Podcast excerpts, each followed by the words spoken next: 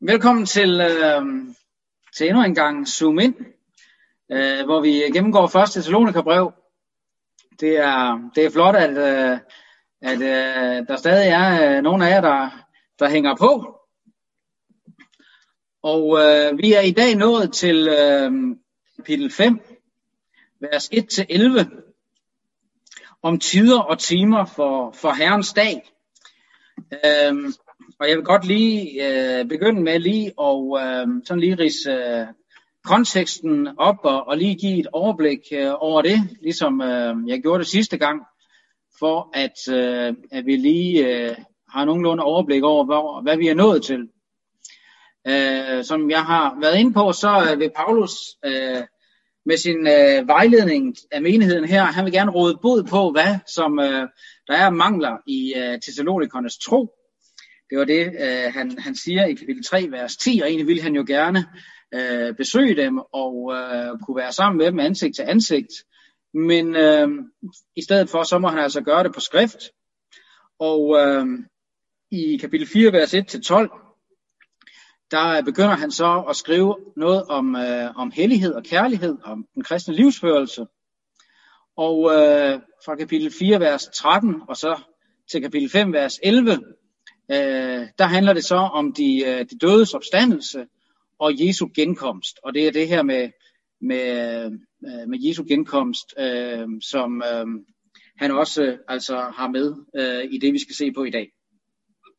For lige at give, give, øh, give overblik, så øh, man, øh, kan man se, at i kapitel 4, vers 3-8, der taler han om helligelse, uden at han siger øh, sådan vedrørende helligelse.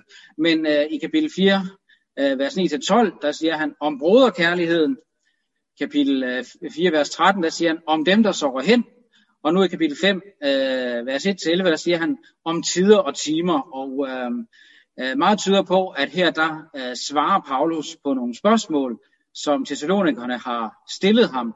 Netop dels om det her med broderkærligheden, dels om dem, der sover hen, og altså også om tider og timer for Jesu genkomst. Og vi skal øh, begynde med nu at, øh, at læse øh, hele afsnittet først i en sammenhæng. Så lader der lige være sådan et minuts øh, stillhed til refleksion. Og så øh, øh, vil jeg øh, sådan gennemgå øh, teksten øh, i små bidder derefter. Vi læser øh, fra kapitel 5, vers 1 øh, til 11. Om tider og timer har I ikke brug for, brødre, at der skrives til jer. For I ved selv ganske nøje, at Herrens dag kommer som en tyv om natten. Når folk siger, fred og ingen fare, der er undergangen pludselig over dem, som vejerne over en, der skal føde, og de skal ikke undslippe. Men I, brødre, er ikke i mørke, så dagen skulle kunne overraske jer som en tyv. I er jo alle lysets børn og dagens børn. Vi tilhører ikke natten, og heller ikke mørket. Så skal vi da ikke sove som de andre, men være vågne og ædru. For de, der sover, sover om natten, og de, der drikker sig beruset, er beruset om natten. Men vi, der tilhører dagen, skal være ædru, og iføre os troen og kærligheden som brynje, og håbet om frelse som hjelm. For Gud har ikke bestemt os til at rammes af hans vrede, men til at opnå frelsen ved vor Herre Jesus Kristus, som døde for os, for at vi, hvad enten vi er vågne eller sover, skal leve sammen med ham. Trøst derfor hinanden og opbyg hinanden, som I også gør. Vi tager os lige tid til at være stille et øjeblik til lige at lade det synke ind, og så beder jeg en kort bøn.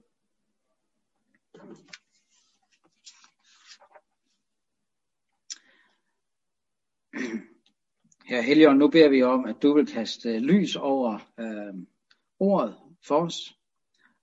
Og vi beder om, at det vi skal være sammen om nu, at det må blive til tro og styrkelse i troen i vores hjerter. Og at øh, det må blive til liv for os. Amen. Ja, lad os prøve at se nærmere på, på teksten her i, øh, i nogle små bidder. Vers 1 øh, starter Paulus ligesom med at introducere temaet for afsnittet her. Og nu er det altså med en ny vinkel øh, på det med genkomsten. Øh, om tider og timer for Jesu genkomst.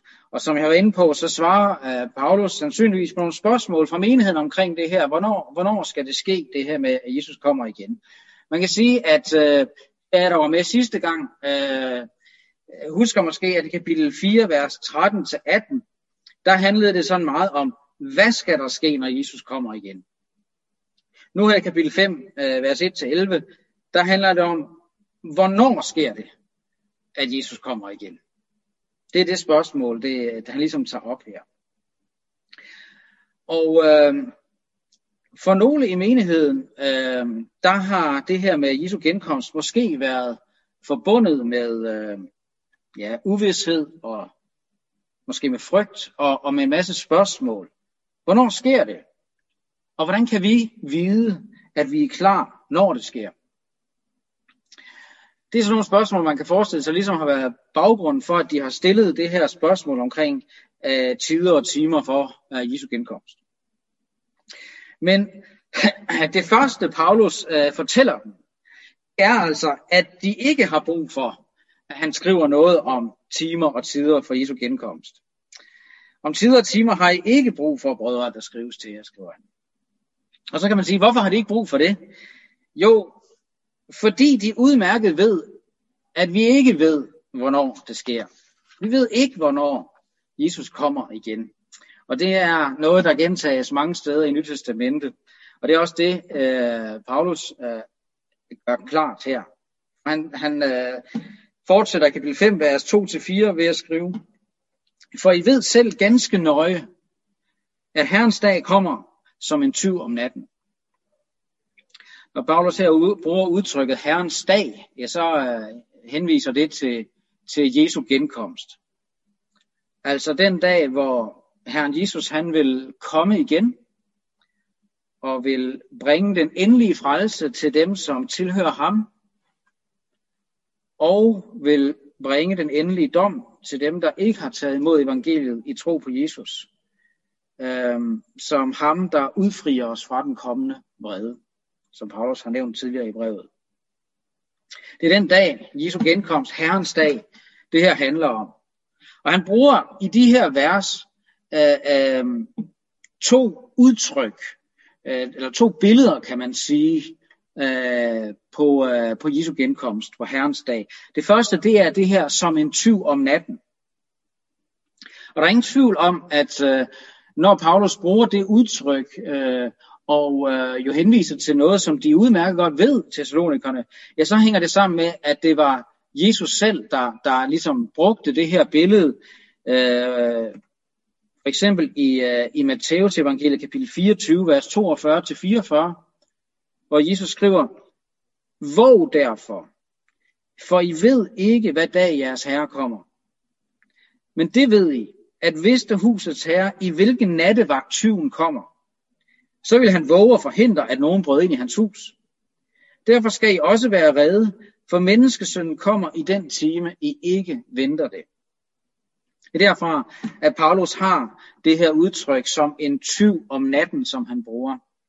Og øh, det her udtryk som en tyv om natten, i det der ligger der jo, øh, det vil sige noget uventet, noget pludseligt, noget overraskende. Men det er vigtigt at lægge mærke til, at, at det, der egentlig er Paulus' hovedpointe, når han bruger det her udtryk i den her sammenhæng, det er, at fordi at de troende, de ved det ganske nøje, det er de jo blevet lært om, så vil Jesu genkomst ikke kunne overraske og overrumple dem som en tyv som man siger det nede i, i vers 4. Men I brødre er ikke i mørke, så dagen skulle kunne overraske jer som en tyv.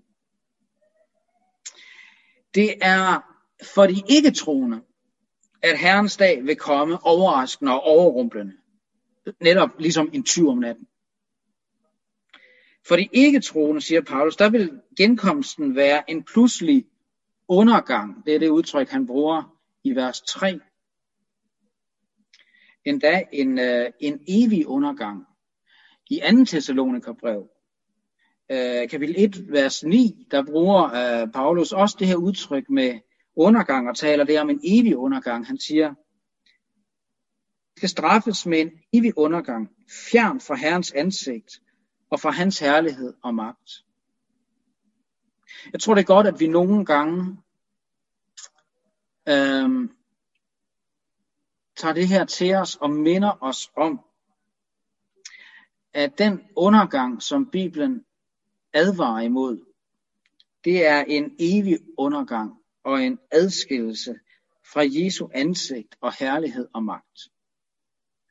Det er vigtigt, at vi øh, gør os det klart, at, øh, at det er sådan, Bibelen taler om det. Så Paulus bruger det her udtryk som en tyv om natten, men siger jo, at fordi at vi som troende ved det, så bør genkomsten i hvert fald ikke komme som en tyv om natten, overraskende, overrumplende for os. Men det vil den gøre for de ikke troende, som jo ikke venter, at han kommer. Det andet billede, Paulus i de her vers bruger øh, om genkomsten, det er øh, som vejerne over en, der skal føde. Han siger det i vers 3. Når folk siger fred og ingen fare, der er undergangen pludselig over dem, som vejerne over en, der skal føde, og de skal ikke undslippe. Tanken her det er, at når genkomstdagen den tager sin begyndelse, ja, så vil det være for sent at undslippe for dem, som ikke har taget imod evangeliet. Ligesom en, en, en fødende kvinde ikke kan stanse vejerne, når, øh, øh, når, når først de er begyndt. Sådan kan undergangen ikke stanses. Lige så lidt som man kan stanse fødselsvejer, eller, eller lige så lidt som, som øh, øh, et skib, der tager øh, vand ind, at man kan stanse det, at den synker. Men for de troende, for os, der tilhører Herren, øh, der øh, bør Herrens dag, Jesu genkomst, ikke være noget, der fylder os med frygt for, for undergangen. Og genkomsten bør ikke være noget, der kan overraske os. Øh, for I er ikke i mørke, siger Paulus. Dagen skulle kunne overraske jer som en tyv. Og det her med, at vi ikke er i mørke, det uddyber han i det følgende. I vers 5-8.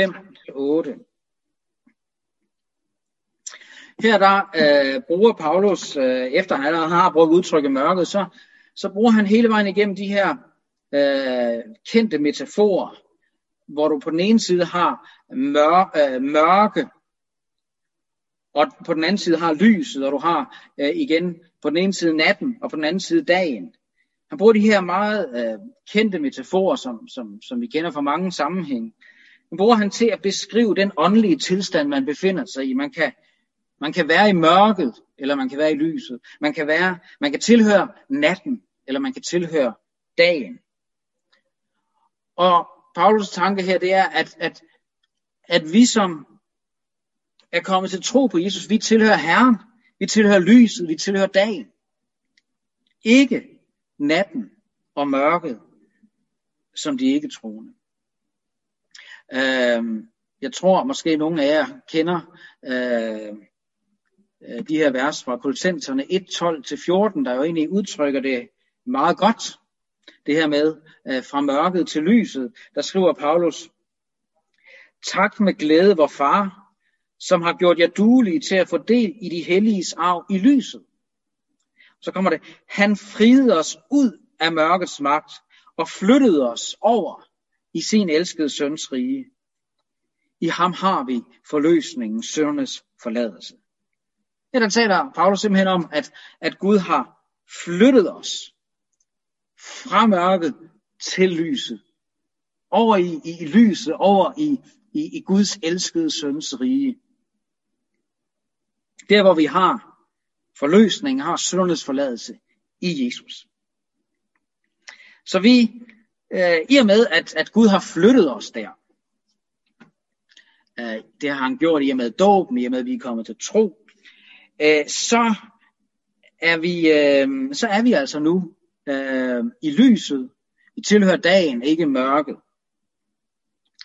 Og øh, man kan sige, at øh, Paulus' pointe i, i de her vers i 1. Thessalonikerbrev, hans ene pointe i det afsnit, det er, at for jer, der tilhører Herren, tilhører Jesus, tilhører lyset, tilhører dagen, der bør Jesu genkomst, Herrens dag, ikke være noget, I frygter. I tilhører ham, som kommer. Og I har fået del i frelsen i ham. Det er den ene hovedpointe, Paulus har. I skal ikke frygte for genkomsten. Men denne forsikring, den følges også af hans anden pointe. Nemlig en, øh, en formaning, en opmuntring til at leve på en måde, som svarer til det, vi er. Øh, svarer til det, som er vores identitet. Paulus han viser os her, øh, hvordan vi skal holde os klar. Hvordan vi skal leve som lysets børn, som dagens børn. Som nogen, der tilhører Herren. Øh, og man kan sige, at der er to ting, han, øh, han siger, at vi skal. For det første, så skal vi holde os åndeligt vågne, kan man sige. Det han siger i vers 6, ikke? så skal vi da ikke sove som de andre, altså de ikke troende. Men være vågne og ædru.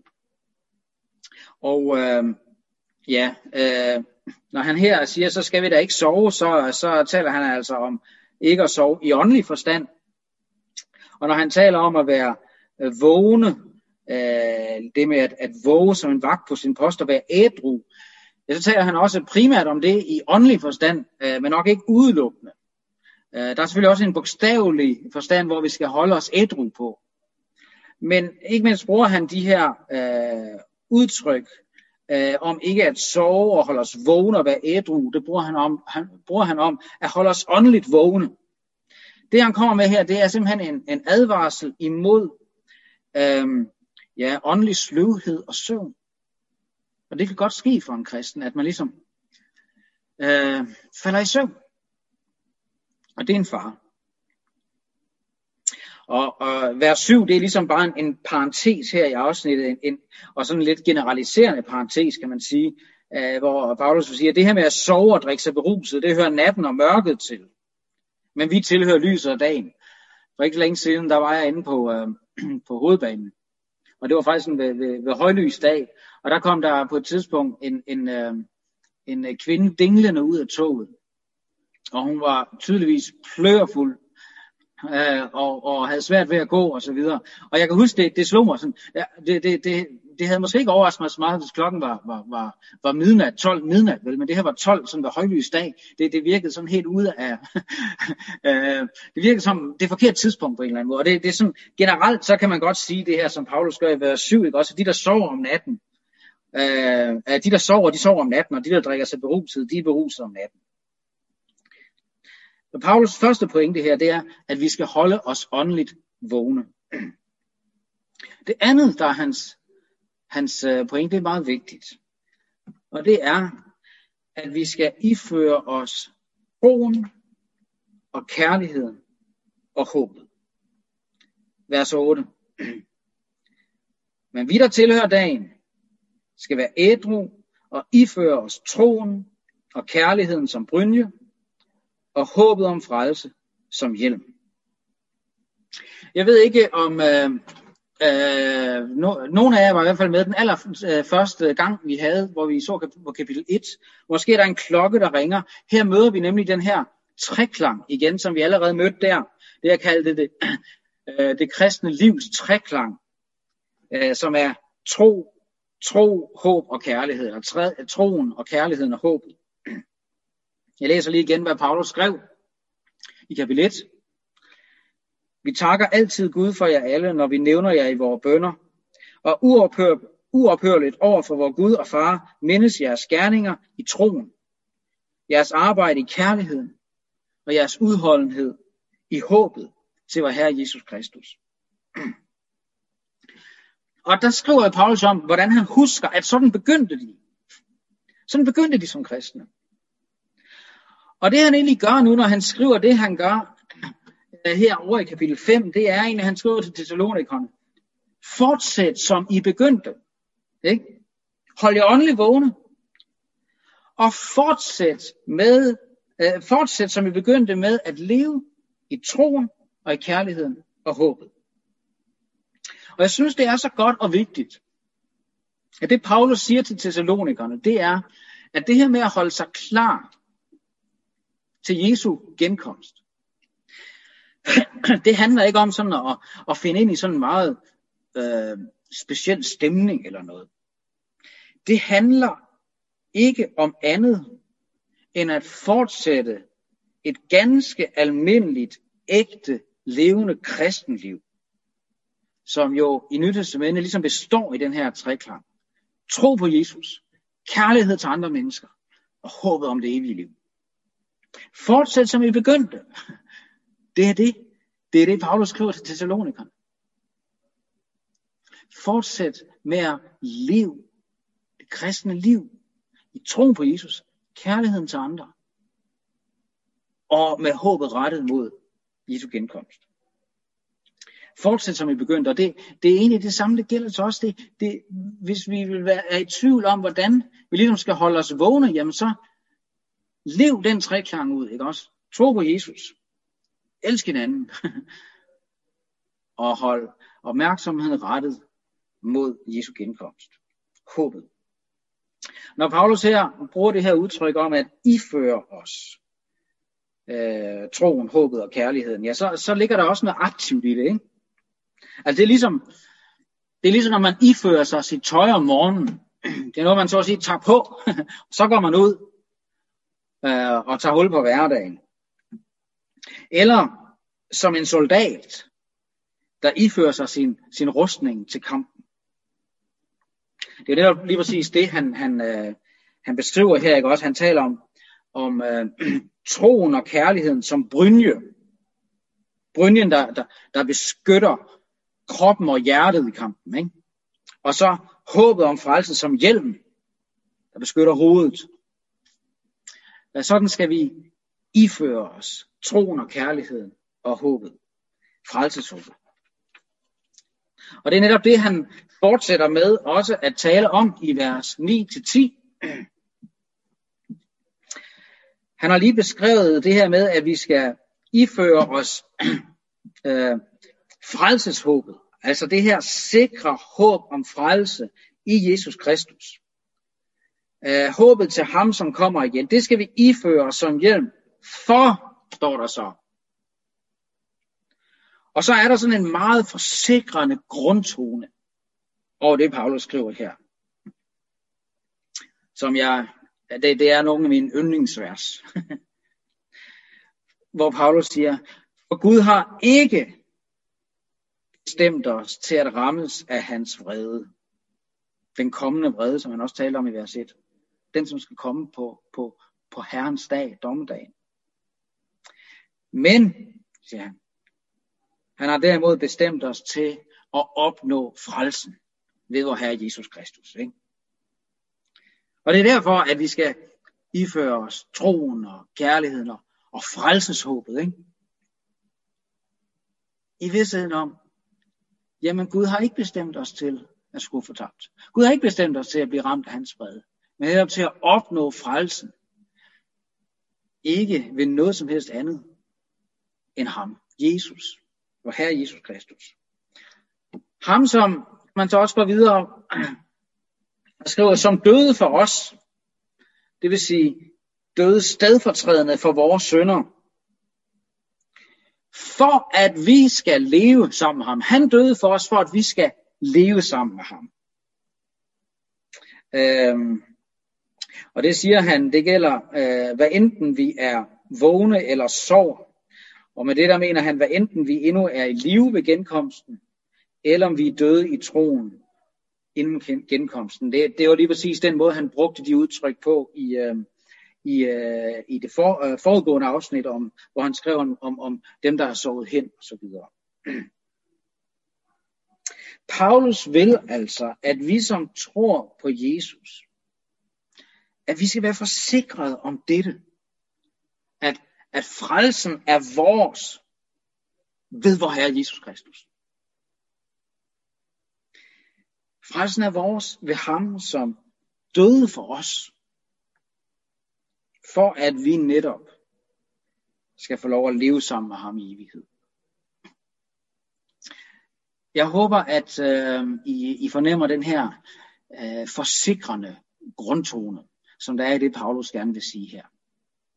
Forsikrende grundtone, samtidig med, at han også opmunder os til at holde os åndeligt vågne og fortsætte, øh, øh, som vi begyndte, så vi er klar til at møde Jesus, når han kommer.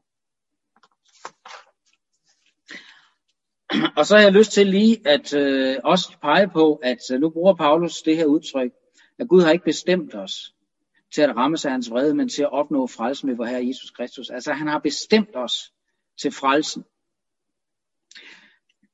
Der vil jeg godt pege på, at, at Paulus i de her to breve til Thessalonikerne hele tiden omtaler dem som nogen, der er elsket, udvalgt og bestemt til frelse. Og sådan må vi også have lov til at se os selv i Kristus.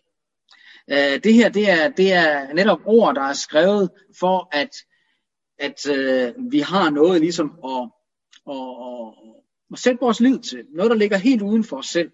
Noget, vi, vores tro kan, kan hvile på. At, øh, at Gud han har elsket os fra evighed, han har udvalgt, og han har bestemt os til frelse ved Jesus Kristus. Øh, jeg læser bare de her steder i kapitel 1, vers 4-5. Brødre, I som er elsket af Gud, vi ved, at I er udvalgt, for vort evangelium kom ikke til jer blot med ord, men også med kraft og med helligånd og med fuld vidshed. Og her i kapitel 5, vers 9, for Gud har ikke bestemt os til at rammes af hans vrede, men til at opnå frelsen ved vor Herre Jesus Kristus. Og så i 2. Thessalonikerbrev, kapitel 2, vers 13-14, vi bør altid takke Gud for jer, brødre, som er elsket af Herren. Fordi Gud udvalgte jer som en førstegrøde til frelse, ved åndens helligelse og ved tro på sandhed.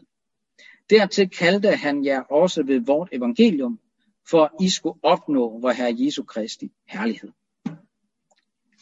Og øh, ja, øh, der hvor vi kan være overbeviste og, og få vidshed om det med, at vi er elsket, udvalgt og bestemt til frelse, det er netop i evangeliet. Om Jesus, hvem han er, hvad han har gjort for os. Og noget i ham, som gælder for enhver, som sætter sin lid til ham som sin frelser. Og så vil jeg godt have, at I lægger mærke til, at i kapitel 5, vers 9, der bruger øh, Paulus udtrykket at opnå frelsen ved vor Herre Jesus Kristus. Og det sidste, jeg har taget med, det er i 2. Thessaloniker 2.14. Der, siger, der bruger han udtryk at opnå igen. Der siger han opnå vor Herre Jesu Kristi herlighed. Han kan altså både tale om det med at opnå frelsen, og han kan tale om det med at, at opnå vor Herre Jesu Kristi herlighed. Jeg tror dybest set, at det er udtryk for noget af det samme. Men det er lidt specielt udtryk det her, at for at I skulle opnå vor Herre Jesu Kristi herlighed. Jeg har tænkt lidt på, kan jeg vide, hvad han mener med det? Jeg tror, at øh, han, han tænker på noget af det, Jesus, han, han øh, i, i, i Jesu, det vi kan, nogle gange kalder Jesu sidste bøn, eller Jesu ypperste præstelige bøn, Johannes evangeliet kapitel 17, der siger han i vers 24, Far, jeg vil, at hvor jeg er, skal også de, som du har givet mig, være hos mig, for at de skal se min herlighed. Det tror jeg er simpelthen er det højeste, et menneske kan opnå. Det er engang at skulle se hans herlighed. At, øh, som vi synger i en sang, ja, engang mine øjne skal se kongen i hans pragt. Se Jesus i hans herlighed. Og øh, i 1. Johannes brev, der står der om, at, at øh, vi skal blive som han, for vi skal se ham, som han er. Altså når vi ser Jesus i al hans herlighed, så skal vi selv herlig, herliggøres. Jeg tror, det er noget af det, der ligger i det med at opnå vor Herre, øh, at opnå vor Herre Jesu Kristi herlighed. Det er at se ham i hans herlighed, og hvor vi selv, vi selv skal forvandles til en herlighed, som, øh, som vi ikke har nu på grund af synden. men den dag skal vi være frie for den. Ja. Og så slutter øh, Paulus de her vers. I kan nok se, at jeg er hurtigere gennem min gennemgang i dag. Øh, så slutter Paulus med at skrive, Trøst derfor hinanden og opbyg hinanden, som I også gør. Øhm, læg mærke til, at han to gange her bruger ordet hinanden. Øhm, der, der, der, jeg hørte engang en sige, at, øh, at øh, det er vigtigt øh, i, øh, at have, øh, når vi snakker om menighedsfællesskab og så videre, så sagde han, det er vigtigt at huske på, at prædikantens opgave egentlig blot er at sætte den fælles trøst og opbyggelse i gang. Altså, øh, tanken i det kristne fællesskab har aldrig været, at det sådan var, bare var én mand, der sådan skulle opbygge alle de andre. Øh, det betyder ikke, at øh, det ikke kan være vigtigt, at der er nogen, der med, med noget til at, øh, at forkynde og undervise osv., og gør det over for hele menigheden. Men, men det er vigtigt, at, at det bliver igangsættende for, at vi kan opbygge hinanden også. Og derfor, det er derfor, Paulus også skriver det her. Nu har, nu har han ligesom, nu har han undervist hele menigheden, ikke også? Men så siger han, så trøst derfor hinanden, hinanden og opbyg hinanden, som vi også gør. Og det må vi også gøre. Vi må, vi må trøste og opbygge hinanden med Guds ord. Altså det ord, som, som Paulus har skrevet om, det ord, der virker i jer, som tror. Og vi kan trøste, vi kan opbygge hinanden, opmuntre hinanden, ved at, at, at netop uh, minde hinanden om, hvad Guds ord siger. Dele det med hinanden. Der har jeg bare lyst til så lige at slutte med, med øh, et ord, som jeg synes vil være passende at slutte med, netop fra, eller fra 2. Thessalonikerbrev, kapitel 3, vers 16-17, som jeg synes er fantastisk. Øh, der skriver Paulus sådan. Hvor Herre Jesus Kristus og Gud vor Far, som har elsket os, og i sin nåde givet os evig trøst og godt håb, han trøste jeres hjerter og styrke jer til alt godt i gerning og i ord. Det er så godt, jeg vil læse det en gang til. Hvor Herre Jesus Kristus, hvor Herre Jesus Kristus og Gud vor Far, som har elsket os og i sin nåde givet os evig trøst og godt håb. Han trøste jeres hjerte, hjerter og styrke jer til alt godt i gerning og ord. ja. Jeg vil gerne øh, bede en, øh, en bøn igen, og så vil jeg give mulighed for, at man kan komme med kommentarer eller spørgsmål eller vidensbyrd her bagefter. Gud, jeg takker dig for, at du har givet os dit ord. Takker dig for det afsnit, vi har kunne være sammen om nu. Tak for de gode ord, det er. Tak, at du har givet os en ja, evig trøst og godt håb og har, har elsket os fra al evighed af. Tak, at du gav din egen søn.